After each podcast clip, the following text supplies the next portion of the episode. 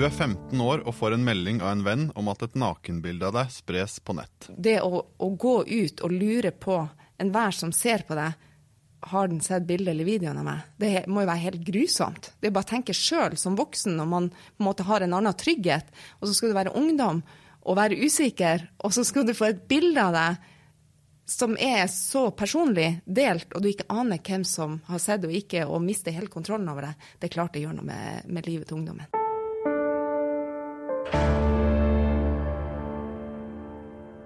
Politiet lanserer i 2019 et undervisningsopplegg til ungdomsskoleelever for å forebygge deling av nakenbilder. Opplegget heter Delbart. Hanne Andreassen og Tone Gulsvik, velkommen. Takk skal du ha. Takk. Før vi begynner å snakke om ulovlig bildedeling blant ungdom, så må vi vite litt mer om hvem dere er. Hanne, vil du si litt om din politibakgrunn? Ja, det kan jeg gjøre. Jeg har jobba mm, som forebygger på Manglerud politistasjon i Oslo i en del år. Det var der jeg begynte. Og også etter det så har jeg jobba en del år som eh, etterforsker på seksuallovbrudd i Oslo. Så begynte jeg på Kripos for eh, ja, halvannet år siden cirka, som forebygger da, og nå jobber da på seksjon for internettrelatert eh, overgrep. Hvorfor blei forebygging ditt fag? Det var vel egentlig når jeg var i praksis i uh, Vennesla i andre året på Politihøgskolen at jeg uh, fikk øynene opp for dette med forebygging. Uh, for jeg jobba, var, fikk litt, jobbe litt sammen med noen veldig dyktige forebyggere der, som, hvor jeg på en måte kunne se at dette, den jobben som de gjorde, betydde noe for en del ungdom i bygda der. Eller betydde ganske mye for en del ungdom der. Eh, og at det var eh, noe mer, mer enn bare de daglige oppdragene hvor man gjorde seg ferdig, og så var det på en måte Kanskje det ble en sak. Eller kanskje det var liksom ordna på stedet, og så var det, ikke, var det ikke noe mer oppfølging der. Men at man, det var noe mer Kanskje noe mer eh, Enda mer verdi i det, om at man, man fulgte opp ungdommer over tid og forsøkte å gjøre en forskjell for dem. Og Tone Gulsvik, hva med din politibakgrunn? Litt sånn lensmannsbetjent. Begynte i Finnmark, på et lensmannskontor, uh, rett etter skolen. Hadde det kjempegøy fordi jeg fikk lov å gjøre alt mulig. Så lange avstander. Måtte være litt kreativ i oppdragsløsninga. Og så uh, trengte jeg litt påfyll av ren ordenstjeneste, så da dro jeg til Bærum og begynte på patruljeseksjonen der. Og så ble jeg spurt om, å, om jeg ville jobbe på forebyggende på Bekkestua politipost da etter noen år. Så da kom jeg inn på det forebyggende sporet, og har da vært på Bekkestua politipost i mange år, før jeg gikk videre til Manglerud politistasjon og forebyggende der, og begynte da på Kripos for ca. seks måneder siden. Så litt sånn allsidig bakgrunn. Så forebygging er jo på en måte en stor sekkepost med ulike ting. Men kan du gi noen konkrete eksempler på hva slags type forebygging du har jobba med? Jeg tenker I den jobben jeg har hatt, så er det mye relasjonsarbeid. Mye både med ungdommer og foreldre, men også samarbeidspartnere. Veldig mye opp mot eh, bydeler og kommuner. Alle de instansene man har som skal være der for ungdom. For det er ikke bare politiet som skal jobbe Eh, forebyggende eller kriminalitetsforebyggende. og Da er vi avhengig av alle de andre som også er rundt ungdommen, at vi jobber mot samme målet, og at vi ikke jobber på hver sitt tue. Så det har vært uh, mye av min jobb. Er, har det stort sett handla om rus, eller er det andre typer kriminalitetsfelt uh, du har jobba forebyggende mot? Alt mulig. Ungdom gjør jo alt mulig. Eh, I dag så gjør ungdom altfor lite pek, tenker jeg. Sånn han kaller litt sånn uskyldig moro. vi har jo aldri hatt snillere ungdom. Og så har du de som har større utfordringer, som har et bredere kriminalitetsfelt, kan du si, som er både rus, men atferd, eh, altså innbrudd, skadeverk, vold. Så det er egentlig hele spekteret. Og til de ungdommene som bare har naska en sjokolade på butikken. Eh, de som havner i konflikter på skolen, kanskje fordi ja, det har vært sendt et bilde, eller det har vært sagt et eller annet på en chat, eller Så det er egentlig hele spekteret. Denne podkastepisoden skal handle mest om delbart. Og dere to er jo forebyggere på Kripos og driver litt sånn uh, nybrottsarbeid i og med at det ikke har vært ansatt forebyggere på Kripos tidligere. Og det første store prosjektet dere har jobba med, heter Delbart. Og Hanne, kan du si litt om hva det er for noe? Ja, Delbart er jo et uh, undervisningsopplegg eh, som er retta mot ungdom på ungdomsskolen og foreldrene deres. Og det handler jo om ulovlig bildedeling. Det handler om det å eh, dele bilder av andre, bilder og videoer. dele bilder og videoer av seg sjøl. det å motta eh, nakenbilder som man ikke ønsker å få. Uh, og så handler det om hva, hva, man bør gjøre i ulike situasjoner som man kan komme borti i forbindelse med dette. Uh, altså når man har delt bilde, eller man får bilde av noen andre. Um, og det har jo um, Vi har jo da vært rundt i dag i hele landet med dette nå, og presentert det for lokalt politi. Uh, og på én skole i hvert distrikt. Uh, fordi at det er jo et undervisningsopplegg som vi håper at, at kan leve videre eh, i årene framover. At det er noe som lokalt politi kan ta i bruk når de ønsker det sjøl, og når, de, når, det er behov for å snakke om tematikken på bildedeling. Og Tone, kan du si litt konkret hva inneholder det her undervisningsopplegget? Det inneholder en video som er delt opp i ni videosnutter. Og til de videosnuttene så er det òg lage laga spørsmål som er relatert til de, altså innholdet i videoen. Um, vi har brukt uh, LearnLab som plattform, som vi har lagt inn de videoene og spørsmålene. Så ser vi en video, og så kommer det et spørsmål etter videoen som ungdom får svare på ved bruk av mobilen sin. Altså de logger på på den LearnLab på den plattformen som vi er, og så svarer de på spørsmål. Og så eh, tar vi og trykker videre, sånn at vi får opp grafene i forhold til hva er det ungdommen har svart på de forskjellige alternativene. Og så snakker vi rundt de eh, svarene og de alternativene på spørsmålene som vi har der. Sånn at vi kan eh, få ungdommen til å reflektere litt mer. Ikke, og det er ikke sånn at det er ett svar nødvendigvis som er riktig på, på alle spørsmålene, men det kan være flere svar, og så få ungdommen til å reflektere litt. Og det har vi jo merka når vi har reist rundt, at det er mye summing. Altså de begynner å diskutere i det spørsmålene kommer opp så er det bestandig eh, prat eh, imellom elevene. Og det vi hører, er jo at de diskuterer spørsmålsstillinger. Og det er ikke alt mulig annet. Det er billeddeling og den tematikken de snakker om. Og det er utrolig gøy. Og sånn fortsetter det hele veien, sånn at vi går igjennom eh, straffelovens paragraf 11 eh, i hovedsak. 311. Eh, og så eh, får de da mer kunnskap ved at de svarer på spørsmål og får reflektert. Bare helt, sånn helt kort, paragraf 311, hva er det den sier? Den sier jo, eh, eller sånn som vi sier det til ungdommene, så sier jo det, den at det er ulovlig å ta, ha og dele nakenbilder av noen under 18 år. Eh, men han jo, bruker jo helt andre ord i straffeloven enn det som vi bruker til ungdommer. Men det er, en grunn til at vi sier det sånn, er for at det skal være noe som de kan huske. Og det er, eh, det er liksom hovedregelen. Men så er det jo også noen, eh, står jo også noe mer der, og det er også noen andre paragrafer i straffeloven som er aktuelle når det kommer til bildedeling. Men det er på en måte den, den som vi bruker mest tid på. Så hva er det som gjør at det temaet her, ulovlig bildedeling, egner seg for et sånt undervisningsopplegg eller en sånn øh, holdningsskapende kampanje, holdningsskapende arbeid, syns dere?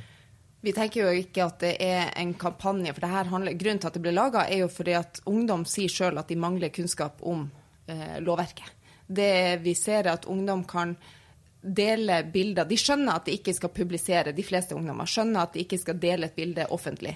Men de skjønner ikke at hvis de er en del av en liten chattegruppe, så har de ikke lov å dele da heller. Og de har ikke lov å vise et bilde med å ta, vise, ta frem mobilen og vise det til noen andre. Den kunnskapen har ikke ungdom, og det sier de sjøl. De blir jo overraska. 'Å ja, var ikke det lov?' Eh, og det er jo eh, gjort undersøkelser. Barneombudet har laga rapport. Um, Redd Barna? Redd Barna har laga rapport. Og det er jo ungdom da som sjøl sier at vi har ikke nok kunnskap om det her. Vi har ikke nok kunnskap om, eh, om hva som er lov og ikke lov. Og da er det jo kjempeviktig at vi kan gi dem den kunnskapen med å lage det undervisningsopplegget. Og en annen ting er jo at vi ser i straffesaker Eh, ungdommer, det, vi kan få inn straffesaker hvor ungdom har eh, vært utsatt for at bildet er blitt delt.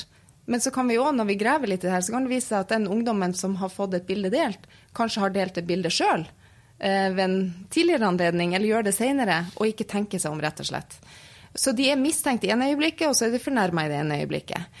Og så har vi også sett, eh, har jeg sett spesielt i jobben som forebygger, og han også, når vi, når vi sitter med ungdom, og for en stor konsekvens det får for en ungdom som opplever at bilde eller video av dem, nakenbildet, er delt eh, og publisert. Eh, vi har jobba med ungdom som dropper helt ut av skole. De klarer ikke det, det, presset med å gå rundt og lure på hvem i all verden er det som har sett bilder av meg. Eh, de får tilsendt bilder og videoer fra fremmede folk rundt omkring i hele landet. Liksom, 'Å, er det her deg?' og 'Kan du sende noe mer?' Og, eh, og det å, å gå ut og lure på enhver som ser på deg, har den sett bildet eller videoen av meg? Det må jo være helt grusomt. Det er bare å tenke sjøl som voksen når man på en måte har en annen trygghet, og så skal du være ungdom og være usikker, og så skal du få et bilde av deg som er så personlig delt, og du ikke aner hvem som har sett det og ikke, og mister helt kontrollen over det. Det er klart det gjør noe med, med livet til ungdommen. Mm. For de fleste. Så nå har dere vært rundt i hele Politi-Norge og møtt ungdommer i hele landet. Hva hva veit ungdom om lovverket, om tematikken, og hva veit de ikke? Altså de, eh, de, kan jo mye, og de vet jo i utgangspunktet at ikke det er lov å dele nakenbildet. nakenbilder. Uh, men det er noen nyanser, sånn som det Tone sier noe om. altså det er, ikke, det er, heller ikke lov å vise fram. Eller det er sånn at det er en del ungdom som ikke tenker over det at altså, hvis, eller som igjen tenker det at hvis et bilde allerede er delt, alle, alle har jo allerede sett det, så det gjør det jo ikke om jeg, sender, om jeg sender liksom til noen på nytt igjen, eller om altså, Jeg er jo den fjerde eller femte eller sjette i rekka som sender dette videre. Da er det jo ikke så ulovlig. Men det er jo akkurat like lite lov eh, om du er den femte i rekka som sender det, eller om du er den første som deler det videre. Altså, det er noen sånne nyanser som, eh, som de ikke er klar over. Og så er det litt det der med, med mm, dette med å sende nakenbilder til noen som ikke er bedt om det. Noen som ikke ønsker det. At det, også, at det er det samme som å blotte seg, altså faktisk dra ned buksa og vise eh, vise fram til noen som eh, Altså på gata. Det er, det er, det at, vi skjønte jo òg at dette med blotting det var jo tydeligvis et fremmedord for en del ungdom. Og det var, ble vi litt eh, overraska over de første gangene vi skjønte at det var tilfellet. Men det er jo tydelig det at det er ikke så mange av disse tradisjonelle blotterne lenger. Men det er jo ekstremt mange ungdom som får nakenbilder fra folk de ikke kjenner. Eller fra folk de kjenner, og nakenbilder som de ikke ønsker. Og det er jo sånn at det er jo ikke, det er jo ikke lov å sende det er jo som å blotte seg hvis du sender et nakenbilde til noen som enten ikke samtykker til det, eller noen som er under 16 år, uansett om de vil ha det eller ikke. Det syns jeg var litt lærerikt når vi reiste rundt og hørte på ungdom som kom og ga oss tilbakemeldinger etterpå. Det var jo det at eh, det er jo enormt mange som får tilsendt nudes eh, fra folk som ikke de aner hvem er, og om ikke daglig, men ukentlig, og hvor de var Å ja, jeg visste ikke at det ikke var lov på sida senere. Og det å gjøre ungdom oppmerksom på at det her skal de ikke finne seg i. At ikke vi får en ungdomsgenerasjon som går og aksepterer det fordi at de tror at det er helt greit og det er lov og det er innafor og skal motta det her. For det skal være helt unødvendig å måtte åpne telefonen og åpne en snap og se en eh, tisselur eller eh, pupper eller hva det måtte være, at du ikke har bedt om det engang. Det tenker jeg. Det syns jeg var veldig OK at ungdom tok til seg. og at de da er flinkere, får de noe på Snap eller på Insta eller hvor det måtte være, at de blokkerer eller rapporterer, og at man får en slutt på det. At uh, det her er ikke greit, altså. Men en annen ting som jeg også uh, med ungdommene de, i forhold til hva de kan og ikke kan. Vi hadde jo første spørsmål i forhold til hvor mange i alderen 13 til 18 år tror du har sendt et nakenbilde av seg sjøl det siste året. Og den syns jeg var utrolig interessant. For nå reiste vi rundt i hele landet og på Svalbard. Og det var ganske jevnt over. Eh, flerparten trodde det var 42 eller 71% av ungdom som hadde sendt bilder av seg sjøl det siste året. Og det stemmer jo ikke når vi ser på undersøkelser, for der er det jo sagt at det er 13% Og det å kunne gi ungdom den kunnskapen om at nei, det er ikke alle som gjør det. Det er ikke alle som sender bilde. Og du må ikke sende, og du kan si nei. Den uh, eh, syns jeg var litt OK å kunne få formidle. Og den var litt sånn Å ja, akkurat, ja. Så vi håper det at eh, vi kan få den andelen enda lavere ved neste undersøkelse. Vi så jo også at, eh, at, foreldrene også svarte stort sett det samme som ungdommene der. Ja. De hadde også landa også på de høyeste svaralternativene der. Og det, det, er jo også bra at foreldre og voksne får kunnskap om at dette ikke er så vanlig som det kanskje blir fremstilt i mediene eller i, en del sammenhenger. For det, det, er jo sies jo at ja, men alle ungdom alle gjør jo det, det er helt vanlig. Men det er jo, de fleste gjør det jo faktisk ikke. Og da tenker jeg at vi som voksne i hvert fall må være tydelige eh, overfor ungdom og barn om at eh, de fleste gjør det faktisk ikke. Og du må, ikke, du må ikke kjenne på noe press om at alle gjør det, og du er liksom utenom hvis ikke du eh, ikke gjør det. Det er viktig. For en del av konseptet er at eh, foreldrene til ungdommene får tilnærma likt eh, undervisningsopplegg som barna deres har fått. Ja, det er det. Vi, når vi har reist rundt i distriktene nå, så har vi da hatt uh, undervisning for elevene på en skole, og så har vi hatt foreldremøte samme kveld. Og det er jo mye fordi at vi ønsker jo at foreldrene skal mer på banen. For vi tror at En del foreldre er sikkert kjempeflinke til å snakke om den tematikken med ungdommene sine. Men så tror jeg nok at en del foreldre syns dette er vanskelig, fordi de føler ikke de har helt kontroll på det sjøl. De, de, føler de har ikke greie på alle disse appene de bruker, og det er vanskelig å henge med på hva som skjer. Og det er liksom sånn kanskje en del av livet til ungdommer som de ikke er så involvert i. Og vi ønsker jo at de skal bli mer involvert, og at de skal snakke om netthverdagen til ungdommer på lik linje som du snakker med resten av, eh, av dagen. Eh, og vi håper jo med å involvere dem på den måten som vi har gjort, at de kan bruke den anledninga til å begynne å snakke om tematikken. Og begynne å snakke om ungdommene om eh, hva som skjer eh, på nett. Eh, for det er jo og det som vi det er jo ofte sånn at man, sant, Foreldre spør jo ungdommen hvordan de har hatt det på skolen, hva som har skjedd, er det noe spesielt som de har opplevd, hvem har de vært sammen med, sånne ting. Og så, så, sitter de på mobilen i noen timer, og så spør du ingenting om hva, hva de har opplevd der, og hvem de snakka med, og hvordan de har hatt det, og sånne ting. Og det er vi litt opptatt av at det, det må, vi ønsker å få en endring på det. Vi ønsker at foreldre også skal involvere seg mer i det som skjer på nett. For, dette, for ungdom så glir dette her over i hverandre. De prater sammen på skolen, og så fortsetter de å prate sammen eh, på mobilen eh, på vei hjem og hjemme og gjennom hele dagen. Så i den videoen som eh, er på en måte grunnlaget for undervisningsopplegget, så møter vi jo Kajsa, som er 15 år. Og hun tar et nakenbilde av seg selv og sender til en fyr som hun er litt sånn småkjæreste med, flørter med. Og så kommer det bildet på avveie. Og la oss si at det skjer med en person som hører på, eller foreldrene hører på. Skal vi ta liksom ungdommen først? Hva slags råd har vi til ungdommer som opplever at et bilde av dem blir spredt i vennegjengen, eller utover det også? Uansett, si ifra til noen. Ikke gå med det alene. For det vi ser, eller har noen eksempler på, er jo det ungdom som håper på at det bare skal gå over. Fordi at det er så ubehagelig, og kanskje har de fått beskjed om du må aldri sende bilde, og du melder du må aldri gjøre sånn og sånn. Eh, og så er de så redd for konsekvensene. Og vi vet jo sjøl det, uansett hva man gjorde, så bare åh, håper jo bare det går over. Det er jo det enkleste. Eh, men òg den vanskeligste, fordi at det går jo ikke over. For man blir hele tida påminnet, og i dag med, med den eh, digitale verden ungdommen lever i, så, så vil det alltid dukke opp hvis man ikke er sier ifra og får hjelp til å gjøre noe med det umiddelbart. Fordi at ungdom er jo heller ikke så god å løse konflikter, vet vi seg imellom. Og det gjelder jo litt det her også. Hvis en ungdom sier ifra om at hallo, det her er ikke greit, så er det ikke alle ungdommene som klarer å ta det til etterretning og sørge for at det bildet blir sletta. Som regel så, så må vi ha en voksen eller noen voksne inn der til å hjelpe dem for å lage en retningslinje videre, eller det å få det sletta, eller Og ikke minst ta en prat om det. At det ikke bare Å ja, ja, men da ble det med det her. Og så blir det gjort igjen, for det blir ikke noen konsekvenser over det. Så det viktigste vi har sagt, eller rådet vi har gitt til ungdom, er jo det å snakke med voksen. Og så har vi vært veldig på å, å på en måte ramse opp litt. Grann. Hvem kan være de voksne? Fordi at eh, vi vet at ungdom har godt forhold til foreldrene sine. Men det er kanskje ikke foreldrene som er lettest å gå til når det gjelder det at man har sendt et nakenbilde. Eh, og da å bruke de på skoler, bruke er det noen på klubben, er det en eller annen voksen? Og så er det jo et aspekt i den filmen med å, det å være en god venn. For ungdom sier det kanskje til en venn først.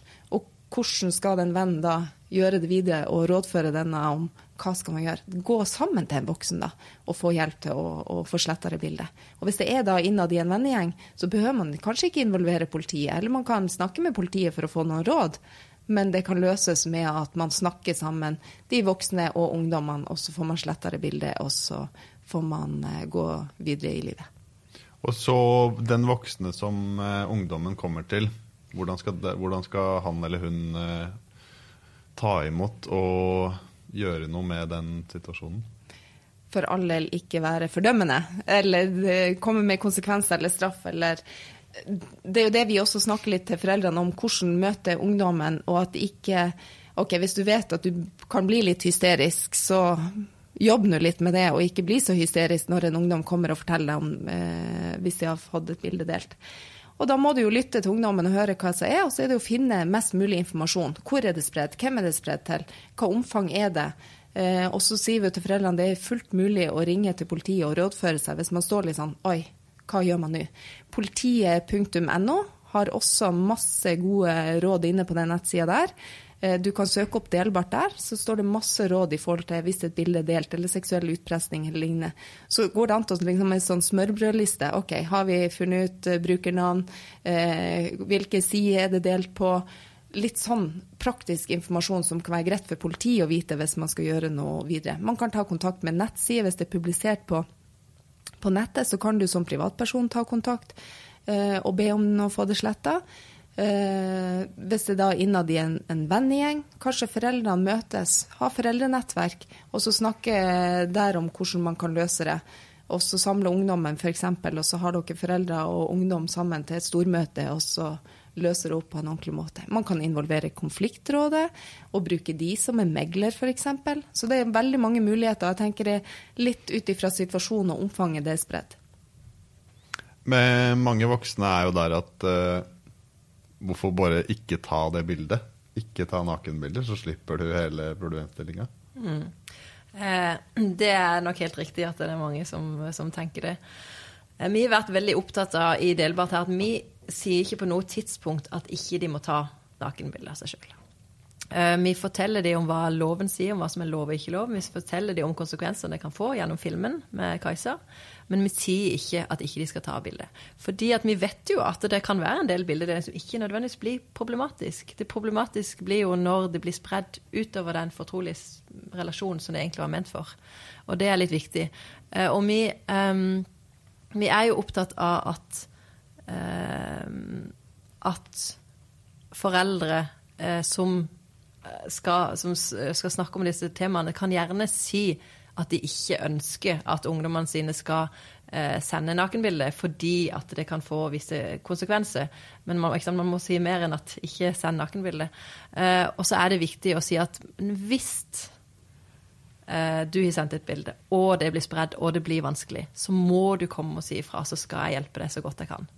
For det er kjempevanskelig for ungdom å gå og fortelle til foreldrene at de har gjort det som de har fått beskjed om at de ikke skal gjøre. Mm. Så det er utrolig viktig at ungdom vet at eh, selv om ja, altså Man ønsker jo ikke at de skal sette seg i en sånn situasjon, men man vil uansett hjelpe dem så godt man kan hvis eh, det blir vanskelig. Det er bare å tenke seg sjøl, hvor kleint er det ikke et nakenbilde av deg sjøl som tenåring er delt, så er det liksom ikke mamma og pappa den letteste å gå til og si 'hallo, kan du hjelpe meg?' For det bildet kan jo på et eller annet tidspunkt bli vist også til mamma og pappa, eller til andre voksne. Og det selvfølgelig er det kjempekleint, men det er jo så viktig at de ungdommene sier ifra, sånn at få hjelp og ikke gå med det alene. Det er jo hovedbudskap uansett, og det er så viktig at foreldrene skjønner å ta imot de ungdommene på en ordentlig måte, eller voksne generelt. Og det er vi òg tydelige på at det er en del voksne som ikke funker. Og hvis de går til en voksen og forteller om det her og trenger hjelp, og den voksne ikke funker, så må du gå til neste.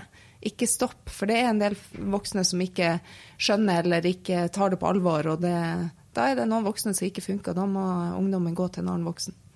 Mm. Um, og så har det er noen alders, ikke alder, ja, aldersgrenser, eller noen uh, alderstrinn som dere er innom i Delbart. Kan dere bare dra kjapt gjennom det? Eh, det er jo, Vi snakker jo så vidt litt om den kriminelle lavalder, som er 15 år. Um, og den er jo relevant i forhold til når man kan straffes for det man gjør.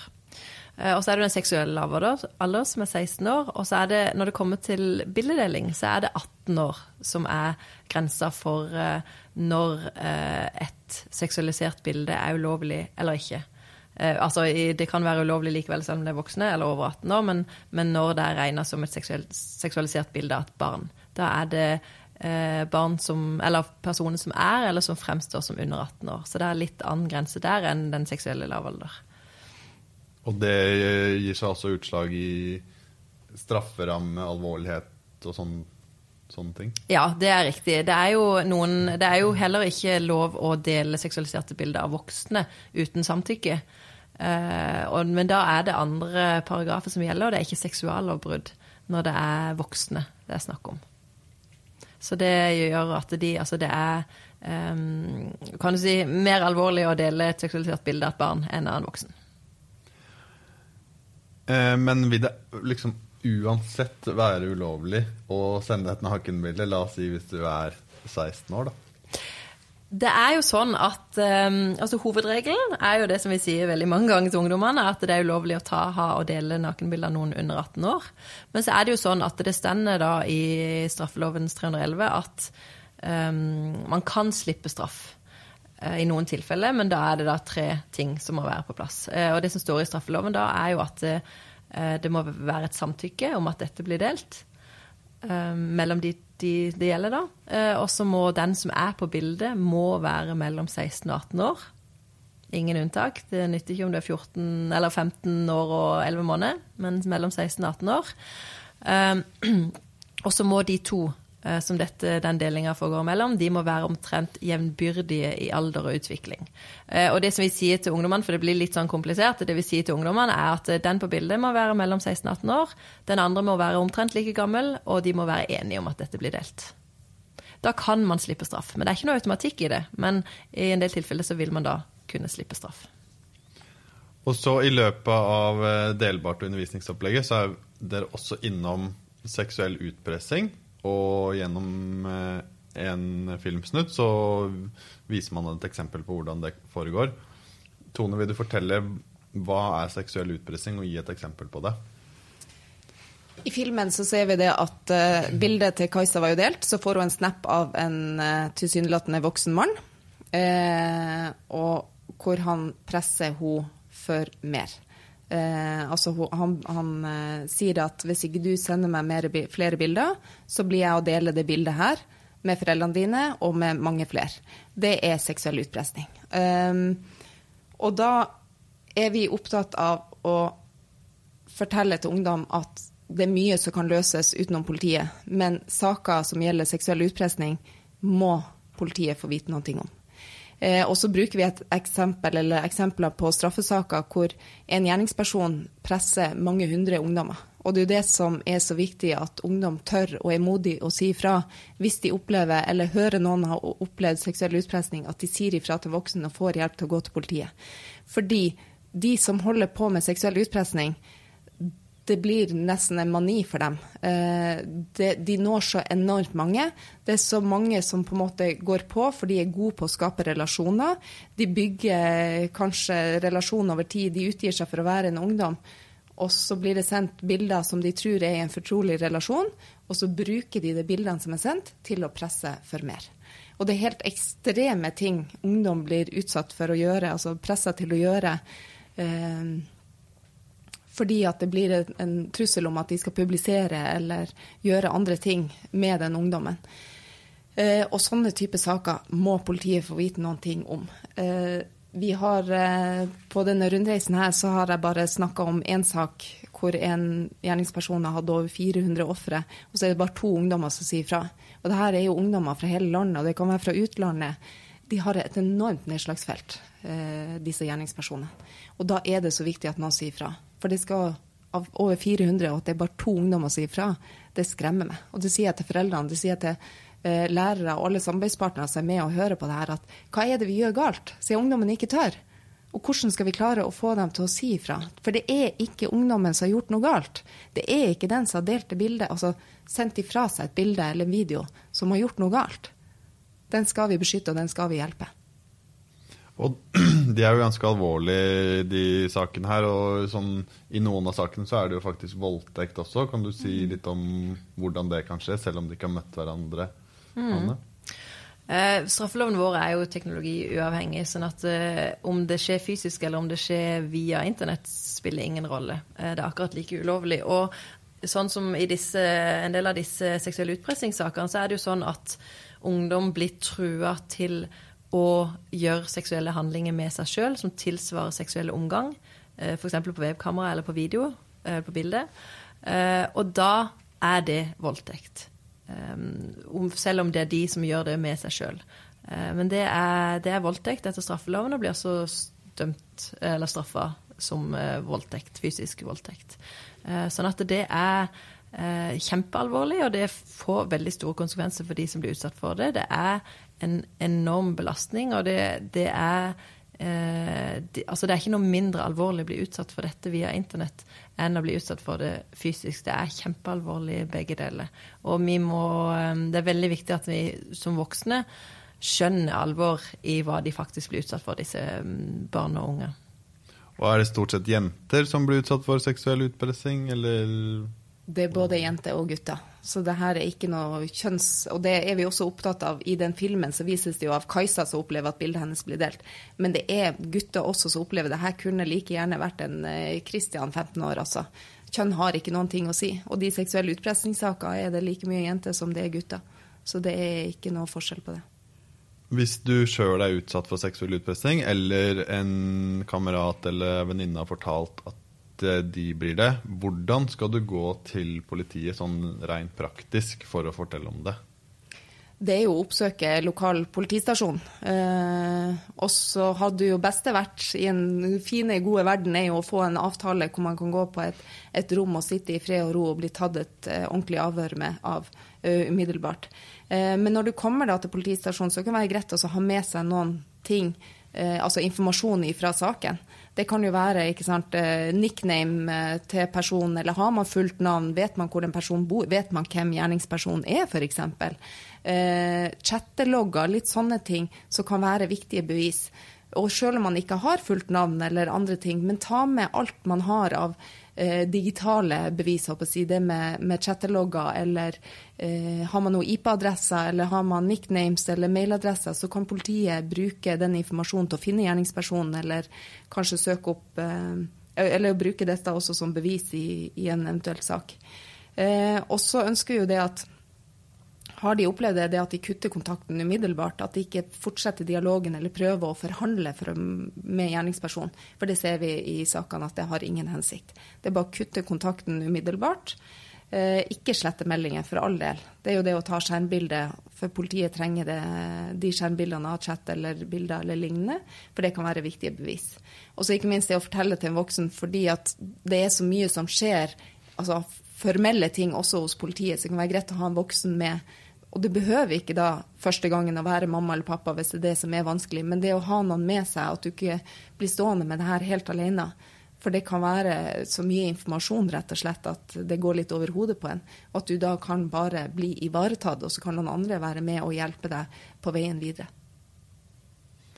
Um, det, kan, det, er jo en, et undervisningsopplegg, men um vi, ønsker, vi kjører det jo, Politiet kjører det jo for å endre holdninger og for å opplyse ungdom.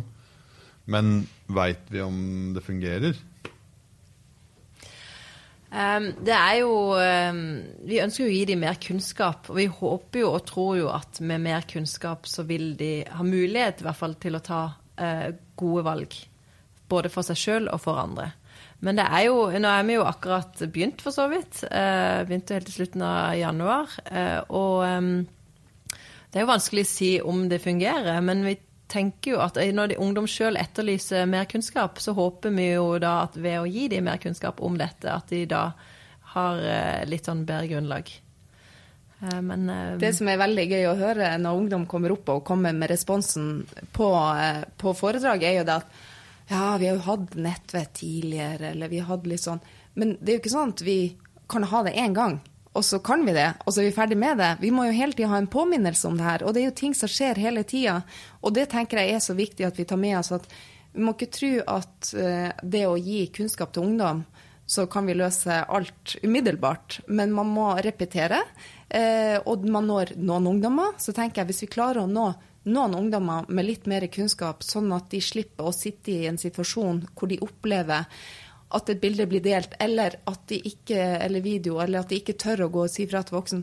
Hvis vi klarer å få noen ungdommer til å ikke dele et bilde videre, f.eks., altså det med den uh, ulovlige bildedelinga, eller har opplevd det og sier ifra og får hjelp, og man kan løse det, de seksuelle utpressingssakene, at det er flere ungdommer som tør å si ifra på et tidligere tidspunkt, så tenker jeg da har vi jo oppnådd noen ting.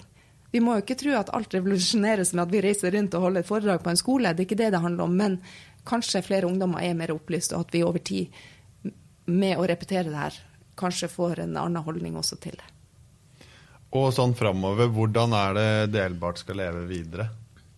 Nå håper vi jo det at eh, politidistriktene nå har de Delbart som et verktøy i verktøykassa si, eh, som de kan ta i bruk når de har behov, og har ikke minst kapasitet til å ta det ut i skoler eh, og til foreldre. Fordi at det er et ferdig produkt. De slipper å finne opp kruttet på nytt. Nå har de om tematikken bildedeling. De kan ta det ut, og det kan forhåpentligvis leve i mange år ute i politidistriktene. og at de kan vi ser jo noen politidistrikt de har det inn i årshjulet sitt. Nå skal de ha det på alle åttende trinn i hele politidistriktet.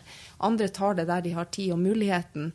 Eh, fordi at det er sånn at Politi-Norge er rusta litt forskjellig i forhold til kapasitet, og sånn vil det være. Og så er det andre plasser hvor de er mer kreative i løsningen på Kanskje de har samarbeidspartnere som bruker filmen, for det er òg fullt mulig. Du kan gå inn på eh, politiet.no slash delbart. Der finner du videoen i sin helhet, og det å bruke videoen som grunnlag for en diskusjon i et klasserom eller på klubbkveld eller hvor det måtte være, er absolutt mulig. Så det å være litt kreativ på Det handler jo bare om å få ungdommen til å reflektere og tenke seg litt om og gi litt mer opplysninger. Så du behøver ikke å bruke delbart med alle spørsmålene, at det ikke er politiet alltid som har mulighet til å komme ut, men uh, samarbeidspartnere også. Så i denne uh, interne podkasten vår så har vi jo en uh, spalte, som, eller en post, som heter 'Saken du aldri glemmer'. Eh, Tone, kommer du på en sak sånn from the top of your head? Uh, det er vanskelig å komme på én sak, uh, men det er noen ungdommer som fester seg veldig. Uh, og det er nok det som har gjort sterkest inntrykk når jeg jobber forebyggende. det er de ungdommene, de relasjonene man skaper. Og det jeg har opplevd, er at man skal aldri være redd for å være tydelig voksen.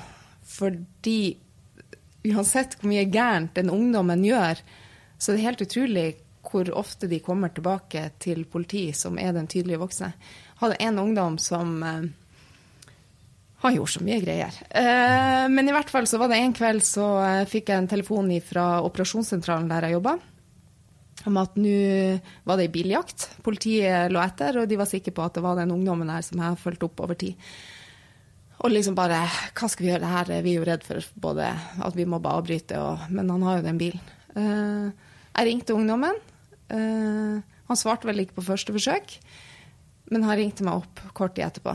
Og så kom han Ble vi enige om å møtes. Han satte ifra seg bil. Uh, vi møttes, vi tok en god prat, og så kunne jeg overlevere han da til patrulje bare en halvtime etterpå. Og det er det jeg tenker er Ja, hva har man gjort i, i den, men kanskje forhindra at han eller andre ble skada. For han kjørte jo villmann og det var jo ikke bra i det hele tatt. Eh, jeg vet ikke helt hvordan det har gått med han i dag, men han har jeg jobba med i mange, mange år. Og det gikk jo ikke kjempebra, men man må jo ikke gi opp på relasjonene for det om man ikke klarer å endevende en ungdom, for det er jo masse bagasje, og det er masse jobb, og man må jo aldri gi opp de ungdommene. Takk. Det er jo sikkert mange foreldre og voksne som sliter med å være en tydelig voksen. Har du noen sånn enkle triks som eh, du har brukt mye? Det er veldig vanskelig, for det er jeg mamma sjøl, og det er ikke like enkelt å være så tydelig med sine egne. For det kaller det lett å gi råd, uh, og det skal man uh, Det jeg tenker, er å være litt tro mot at man er voksen. Det er du som bestemmer. Uh, og man kan bli usikker, men da er det fullt mulig. Snakk med en annen voksen òg. Og det vi ser at når vi spesielt i ungdomsmiljøet, hvis det er ting som er urolig, og politiet kommer inn og så samler de foreldrene, så sitter egentlig foreldrene og lurer på akkurat det samme. Så det handler egentlig bare om å dele bekymring.